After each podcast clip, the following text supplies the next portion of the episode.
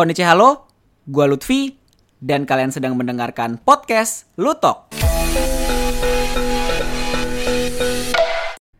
Sebelum gue memulai podcastnya, gue mengucapkan selamat tahun baru 2022 dulu dong. Dan terima kasih banyak ya yang udah mendengarkan podcast Lutok dari tahun lalu meskipun gue nggak aktif, jujur gue cuma ngupload uh, 4 episode.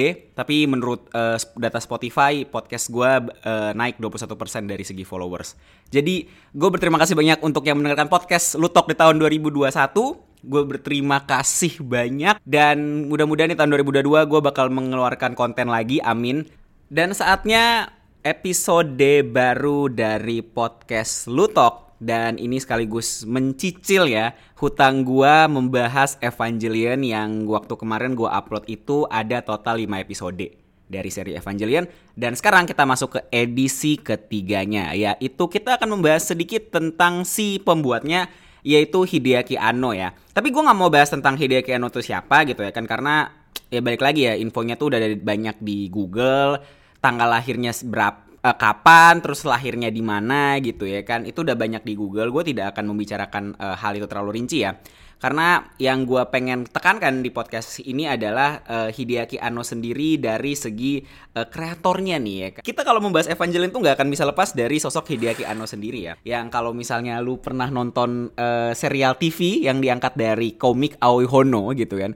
Itu dia tuh bener-bener otakku kelas kakap coy. Dia otakku mentok tapi otakku itu otak-otak satsu gitu ya kan kayak kayak dia itu di sekolahnya waktu itu di sekolah ya kasarnya sekolah desain ya atau atau biar cocok di sini di kafe ya. Dia itu disuruh tugas film pendek. Terus dia bikin film apa?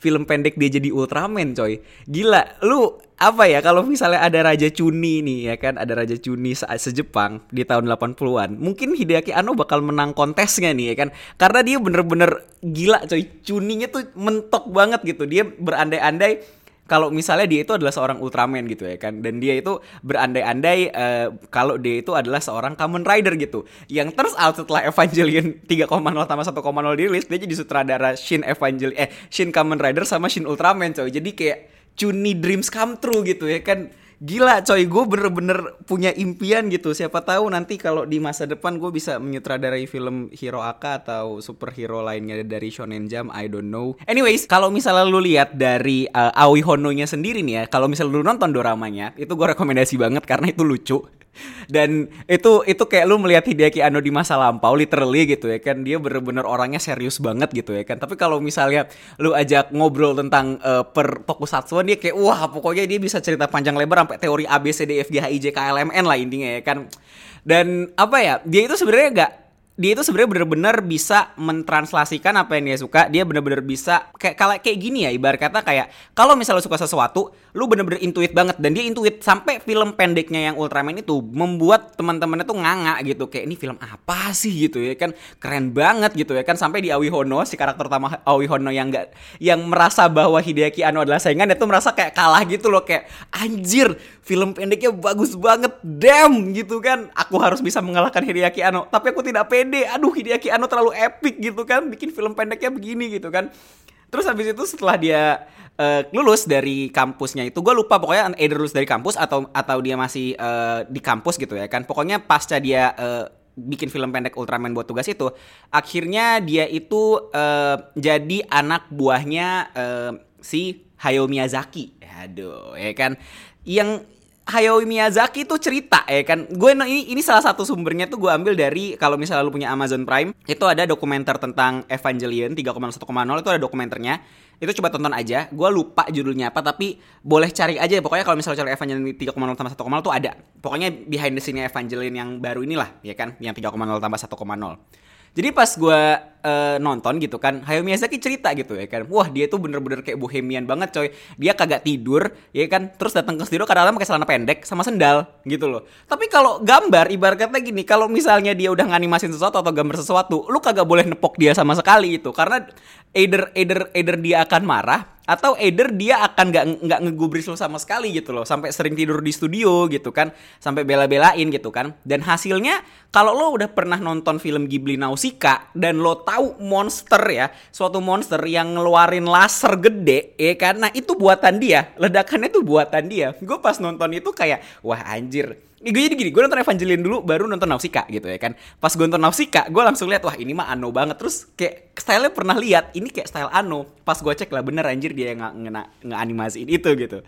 Terus udah kayak gitu si Ano akhirnya uh, bikin akhirnya cabut uh, bikin studio sama teman-teman kampusnya uh, namanya Gainax dan waktu itu tuh proyek isengnya mereka adalah ini iseng ya ini iseng mereka tuh mereka bikin short film untuk uh, Daikon. Daikon itu ibarat kata kayak pameran uh, science fiction lah, pameran science fiction uh, pameran science fiction di Jepang yang itu di tahun 80-an gitu ya kan. Dan kalau lu cari di YouTube cari aja Daicon, D A I C O N uh, dua. Duanya tuh uh, angka Romawi II gitu kan, Daicon II gitu.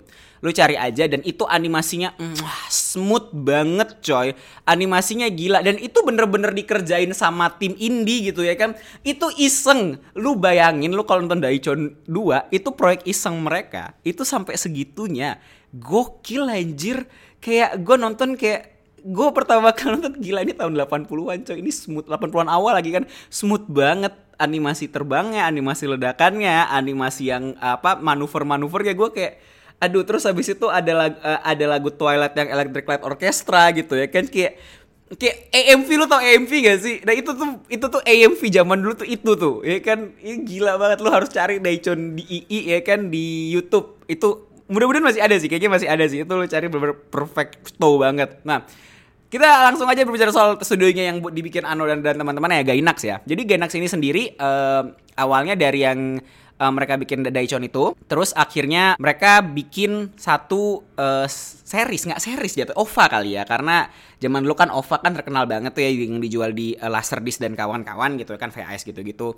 Jadi waktu itu mereka merilis Gunbuster waktu itu yang diprojekin sama Hideaki Anno sutradaranya dan itu bener-bener itu series robot ya yang awalnya tuh ceritanya kayak super robot banget terus awalnya kayak cewek-cewek uh, yang apa namanya yang seksi gitu ya kan yang cewek-cewek yang uh ya kan yang apa ya semampai lah gitu ya kan terus tiba-tiba gue kira kan gini gue kira gua kira tuh si siapa tuh si Gunbuster tuh ceritanya alah paling ceritanya begini-begini doang gitu ya kan dan super robot dan kawan-kawan.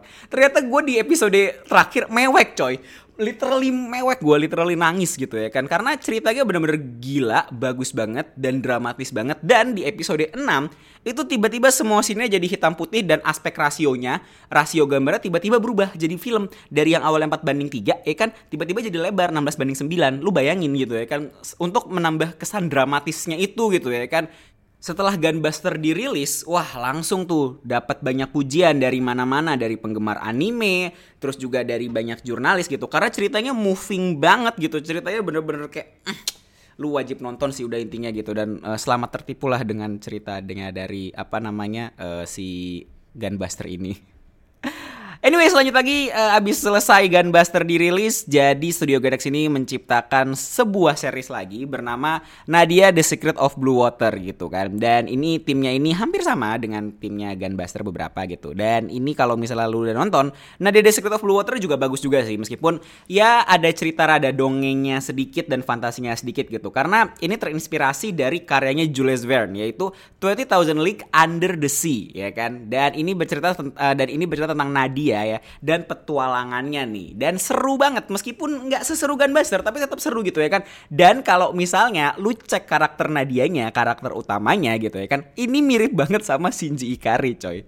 Kalau lu lihat baik-baik gitu. Karena karena uh, si karakter desainernya Yoshiyuki Sadamoto Yoshiyuki Sadamoto ini karak, uh, desainer karakter Evangeline juga gitu ya kan.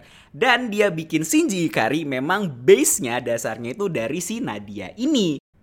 Tapi masalah terjadi nih ya abis Nadia The Secret of Blue Water selesai dirilis. Jadi sebelum Gunbuster uh, sebenarnya mereka itu sudah pernah bikin sebuah film yang bernama Royal Space Force The Wings of Hone Amise.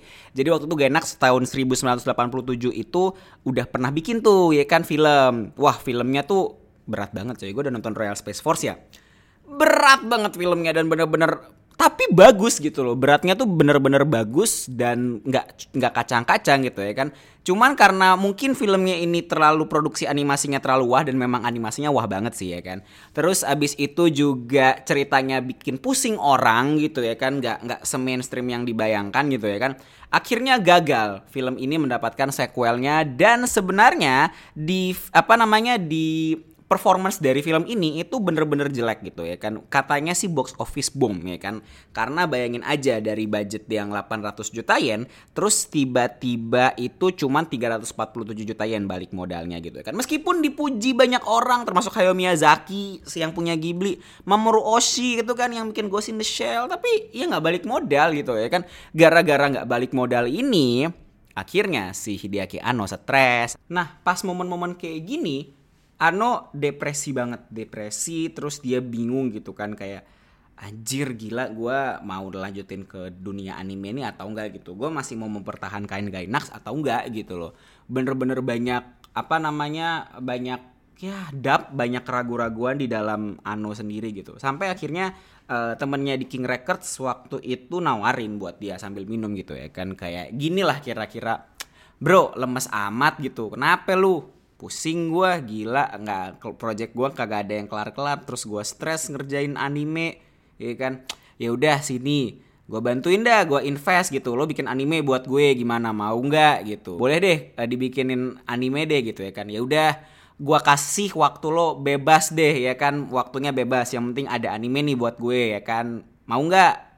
Maulah gitu dan muncullah konsep awal dari uh, Evangelion sendiri yang awalnya namanya itu adalah Alcyon uh, diganti karena namanya susah banget ya kan dan gak keren juga gitu ya kan kalau dibahas sekarang itu wah lu suka anime apa? Alcyon hmm, apakah itu anime atau misalnya nama-nama aneh dari Latin gitu? Terus habis itu udah kelar dealing buat Evangelion. Akhirnya si Ano ini nih uh, bikin konsep tentang uh, sesuatu not running away jadi kayak apa ya? Kayak lu tuh nggak kabur-kaburan dalam mem memecahkan masalah atau menghadapi sesuatu gitu. Lu kayak ketika lu ketemu masalah, ya lu harus pecahin gitu ya kan. Dan ini mengambil konsep awal dari salah satu cerita Ano yang bernama Aoki Uru yang di scrap uh, dan akhirnya dijadikan Evangelion ini konsep bahwa lu nggak boleh kabur dan lu nggak boleh lari lagi dari masalah gitu kan. Tapi sebenarnya sendiri sebelum kita lanjut ke Evangelion setelahnya gitu ya kan dan ternyata memang Evangelion itu cerita depresinya Ano, curhatannya Ano gitu kan sampai orang-orang protes di episode ke-25 ke-20 episode 2 episode terakhir orang-orang pada protes kan kayak anjir cerita ini tentang apa coy? Ini apa? Dua episode terakhir Ano Ano ah! Itu fans yang marah dan sampai akhir fansnya pada marah dan akhirnya kayak melemparkan banyak ancaman mati gitu kan ke Hideaki Anno itu sendiri gitu. Tapi ya mau gimana lagi gitu loh. Uh, lu harus melihat Evangelion itu tuh seriesnya ya terutama ya. Itu tuh kayak curhatannya dia coy pada waktu itu gitu. Bayangin aja gitu ya kan. Evangelion ya, Evangelion pada masanya nih itu bener-bener deadline-nya tuh ketat banget, tipis banget, deadline-nya padet banget. Dan itu kalau uh, dan itu kan mingguan, anime mingguan kan. Dan waktu itu kalau nggak salah di episode-episode terakhir dari Evangelion, mereka tuh mentok mentok dalam artian gini uh, mereka itu mentok karena mereka sendiri itu kehabisan duit dan kehabisan tenaga kerja juga. Akhirnya bikin lah episode 25-26 yang kayak slideshow tapi turns out itu jadi episode yang paling kontroversial dan episode yang paling berpengaruh di dunia anime itu sendiri gitu. Dan itu benar-benar pure curhatan Ano gitu kayak eh kayak Ano tuh kayak dari yang awalnya depresi selama bertahun-tahun setelah banyak gagal proyeknya sampai kayak oh ya udah ya ya udah mau ngapain lagi gitu. Gue udah pasrah sama diri gue sendiri gitu kan. Gue udah berpasrah gitu. Itu sebenarnya mininya Evangelion episode 2526 gitu. Lu memang harus melihat kreatornya gitu ya kan? Terus abis itu uh, kelar dari situ uh, akhirnya muncullah film Evangelion ini, film Evangelion yang di of Evangelion. Karena penonton ini tidak puas dengan ending curhatan Ano. Akhirnya Ano kayak ya udah gue matiin aja semuanya lah. Kayak dia tuh kayak kayak big kayak kayak apa ya? Lu nonton of Evangelion tuh kayak jari tengah gede ke penontonnya gitu loh. Kayak nih gua curhat capek-capek lu lu apa namanya lu ancem gua pakai surat apa surat death threat surat ancaman kematian nih nih gua kasih nih film of Evangelion berat tuh mamam tuh sono. Uh mamam tuh. Saking kesel ya gitu kayak coy gua mau curhat gitu kan dan bisa dilihat sih di dari masa lalunya dia gitu ya kan uh, dia waktu itu bercerita untuk Amazon uh, untuk dokumenter NHK di di Amazon Prime yang udah gue bilang tadi sebelumnya.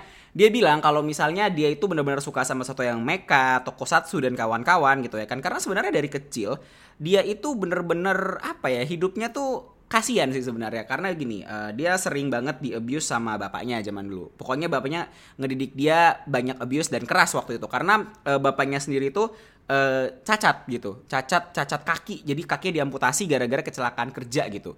Dan akhir dan itu pas Ano masih kecil gitu. Jadinya Ano tuh selalu meli, selalu suka dengan konsep uh, ketidaksempurnaan. Konsep robot yang nggak sempurna konsep robot yang realis gitu kan. Konsep uh, tokusatsu yang di mana Kamen Rider pertama orang orang orang itu adalah cyborg gitu kan uh, yes Kamen Rider pertama teman-teman itu cyborg ya. Gua nggak tahu Kamen Rider uh, makin ke sini makin itu cyborg atau bukan silahkan interpretasikan sendiri. Tapi Kamen Rider pertama ya memang itu Kamen Rider yang emang dari uh, manusia biasa terus akhirnya dirubah sama organisasi jahat dan jadi cyborg gitu. Dan Ano tuh suka sama hal itu gitu. Ano suka dengan hal-hal robotik karena ya dia merasa bahwa dia sering lihat kaki bapaknya yang uh, metal gitu ya kan. Dan dia akhirnya kayak amused dengan mecha dan tokusatsu itu gitu ya kan yang menawarkan yang menjadi ya menawarkan apa ya kayak menjadi imajinasinya Ano lah dan eskapisme dia lah kasarnya dari uh, abuse dari rumahnya gitu ya kan. Dan akhirnya tuh kayak dituangin dalam uh, Evangelion itu sendiri gitu ya kan. Yang kalau misalnya lo lihat dari Evangelion itu sendiri ya itu tuh sebenarnya Shinji Ikari itu hampir sama kayak Hideaki Anno gitu itu 11 12 gitu. Di mana dia itu kayak dia dijauhin sama bapaknya gitu ya kan. Ya memang Hideaki Anno pun juga sama bapaknya pun merasa bahwa dia tidak dianggap karena uh, bapaknya juga depresi juga gitu loh. Ka karena cacat dari yang nggak cacat tiba-tiba jadi cacat kakinya nggak ada jadinya itu gitu ya kan. Eder kaki eder eder lengan lupa gue pokoknya diamputasi aja salah satunya gitu. Terus sudah kayak gitu oh lengan deh lengan. Kalau nggak salah lengan deh. Pokoknya gue lupa ingat pokoknya diamputasi aja. Di NHK coba tonton aja nanti Terus abis itu udah seperti itu ya udah akhirnya si Hideaki Anno sendiri merasa bahwa Evangelion tuh gue banget gitu. Evangelion tuh bener-bener refleksi cerminan dari curhatan gue yang ketidaksempurnaan dari orang tua gue, dari ayah gue gitu ya kan. Dan sebenarnya dan robot itu sebagai uh, eskapisme gue gitu ya kan. Toh Shinji pun juga makin ke sini merasa bahwa di seriesnya sendiri merasa bahwa si robot uh, Eva Unit itu ya eskapismenya dia dari dunia luar gitu ya kan. Dia melawan robot eh dia melawan angel ya itu kayak ya udah lalu kalau disuruh A ya A gitu. Itu itu gila sih menurut gue itu itu wajar sih kalau misalnya Ano mungkin rada terkena dampak psikologis ya ketika membuat Evangelion karena selain uh, dia gagal di apa namanya ketika membuat eh uh, Hone sequel Hone Mise terus juga pas di uh, Nadia dia burnout parah gitu ya kan. Akhirnya dia sendiri jadi kayak ah ya mencurahkan semua perasaannya di Evangelion itu gitu. Bener-bener mencurahkan banget gitu. Dan kayak apa ya Evangelion tuh kayak hidup matinya dia gitu. Karya paling personal kali ya karya paling personalnya buat uh, Hideaki Anno. Sampai-sampai ya kan uh, timnya Hideaki Anno timnya Studio Kara yang bikin Evangelion 3.1.0 head production yang udah yang udah kerja bareng Anno lama lah gitu ya kan dari dari zaman-zaman Evangelion. Kayak bilang kayak gini ya kan? Uh, itu Ano kok nggak kelar itu kok uh, Pak Ano kok nggak kelar kelar ya skripnya buat Evangelion yang baru gitu. Terus kita gimana gitu ya kan? Masa kita dianggurin? Ya gimana? Ya ya, ya temen yang udah pernah kerja lama sama Ano ya emang begitu orangnya. Ya orangnya emang kalau dia siap bercerita ya dia siap. Apalagi Evangelion gitu. Kalau anime lain boleh lah gitu. Tapi kalau Evangelion nggak bisa. Harus bener-bener nunggu mood dia dulu harus bener-bener nunggu momen yang pas dulu buat dia dan harus bener-bener nunggu ketika dia mau siap untuk bercerita tentang pengalaman pribadinya dan refleksi pribadinya terhadap Evangelion itu sendiri gitu dan waktu gue nonton dokumenternya juga si Ano pernah bilang gitu kalau misalnya gue abis Evangelion kayaknya nggak bisa bikin anime lagi gitu ya kan. Atau mungkin gue nggak bisa bikin Evangelion lagi gitu. Karena ya gimana gitu Evangelion tuh bener-bener karya personal paling personalnya dia gitu. Shin Gojira dia suka Gojira tapi itu memang karya kayak sebagai kayak ini gue fans gue fans dan gue pengen uh, Gojira itu apa namanya diinterpretasikan dengan yang berbeda. Yang mungkin akan sama dengan Ultraman dan Shin Ultraman dan Shin Kamen Rider nanti gitu. Tapi Evangelion itu nggak bisa. Gua ragu kita bakal dapat Evangelion lagi ya 10 tahun 20 tahun ke depan gitu ya kan. Unless itu adalah sebuah unless itu adalah sebuah remake yang untuk money milking ya ya kan. Tapi apa ya lu nonton gue gue gue bikin podcast ini gara-gara gue nonton satu podcast di NHK dan Ano tuh berat banget ngomongnya kayak bener-bener berat gitu kayak anjir nih Evangelion yang terakhir nih gue harus bener-bener gue udah tua gitu gue udah 60 udah mau udah udah 60 coy masa gue masih gini-gini aja gitu ya kan? Masa gue nggak menyelesaikan apa yang gue kerjakan gitu ya kan. Masa stuck stuck berapa lama sampai gue akhirnya harus kabur mengerjakan Shin Gojira dan yang lain-lainnya mau sampai kapan gitu ya kan. Gue harus menyelesaikan ini semua dan turns out Evangelion 3.0 tambah 1.0 itu merupakan pendewasaan sendiri bagi Ano jadi kayak apa ya lucu juga gitu kayak Ano dewasanya tuh dua kali gitu. Kayak pendewasaannya setelah Neon Evangelion sebelum diancam sama fansnya dan akhirnya dia akhirnya mendapatkan lebih lebih apa ya kayak merasa bahwa dia lebih menerima dirinya sendiri tuh malah ketika di umur 60 gitu ya kan. Di Evangelion 3.0 tambah 1.0 gitu kan. Dan ini juga diwujudkan ya oleh yang ngisi suara Asuka gitu. Jadi gue pernah baca satu artikel Wikipedia dan ini gila banget. Eh, dan ini jumlahnya artikel Wikipedia ngambil dari NHK yang gue tonton tadi sih. Dia bilang gitu ya kan, gue nangis loh baca skrip ini gitu ya kan. Gue bener-bener nangis gitu karena uh, Ano yang gue lihat dulu nggak kayak gini terus tiba-tiba dia kayak gini sekarang dia udah berubah banget dia bener-bener berubah banget dari yang gue pertama kali kerja bareng dia di Evangelion 95 sampai yang Evangelion sekarang yang 3,1 dia berubah banget. Dia bener-bener kayak a different man gitu kan dia bener-bener kayak akhirnya dia bener-bener menjadi dirinya sendiri gitu ya kan nggak harus sobing atau misalnya kayak ah anjir gitu kan kayak gitu. Enggak gitu. Ano tuh bener-bener lega di proyek ini gitu dan itu juga terpancar dari uh, apa namanya ceritanya juga yang bener-bener kayak resolving lah bener-bener bener-bener literally end of Evangelion tuh gini lah. Kalau misalnya end of Evangelion itu good ending dan Ano diberikan waktu untuk menyelesaikan semuanya akhirnya end of Evangelion eh Evangelion 3.0 tambah 1.0 ini gitu ya kan. Yang ceritanya juga gampang dicerna juga gitu. In the end memang kita tuh nggak bisa memisahkan uh, Evangelion dan Hideaki Anno itu kayak satu kesatuan. Kalau misalnya di masa depan Evangelion gak dibikin sama Hideaki Anno, gue nggak tahu lagi sih apa yang Evangelion ini kayak gimana ceritanya karena nggak bisa gitu. Dan apa ya kalau Hideaki An Hideaki Anno yang nggak bikin Evangelion jadinya aneh karena uh, spin-off spin-off Evangelion ya kan yang di luar timnya Gainax ini kan itu tuh pada absurd semua kalau misalnya lu pernah tahu ada Evangelion yang isinya komik shojo itu pernah ada dan gue baca dan ceritanya kayak eh oke okay, gitu ya kan. Terus ada lagi yang mainan dan kawan-kawan gitu ya kan. Banyak gitu dan menurut gue jadi aneh gitu ya kan. Do itu memang harus uh, dari segi bisnis balik lagi itu diperlukan untuk menjaga nama Evangelionnya tetap ada gitu ya kan.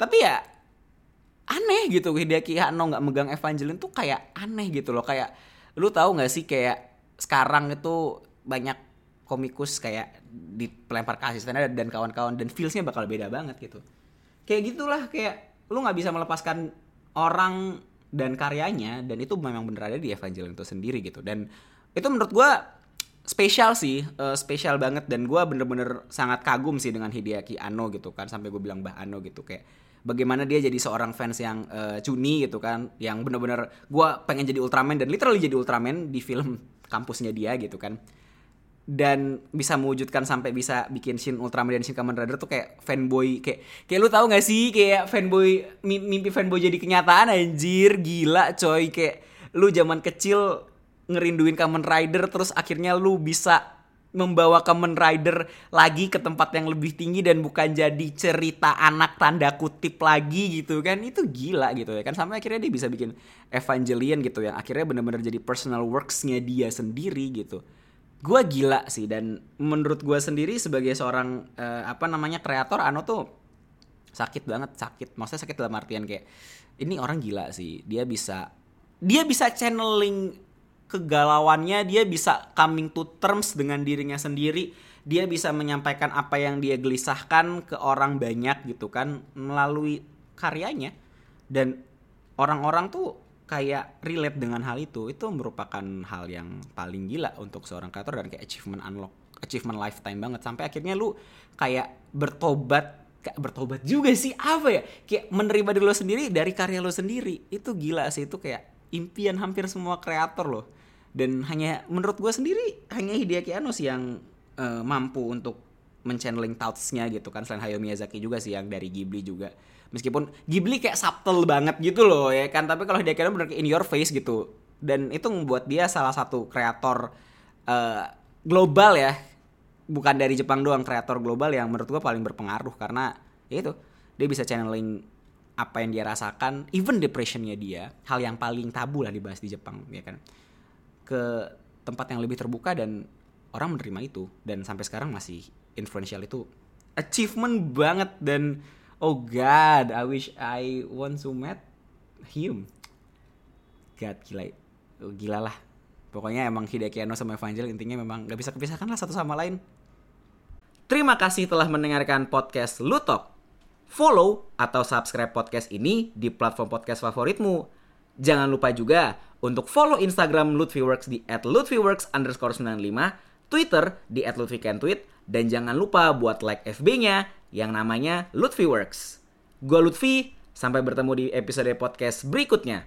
Plus Ultra, sayo dadah!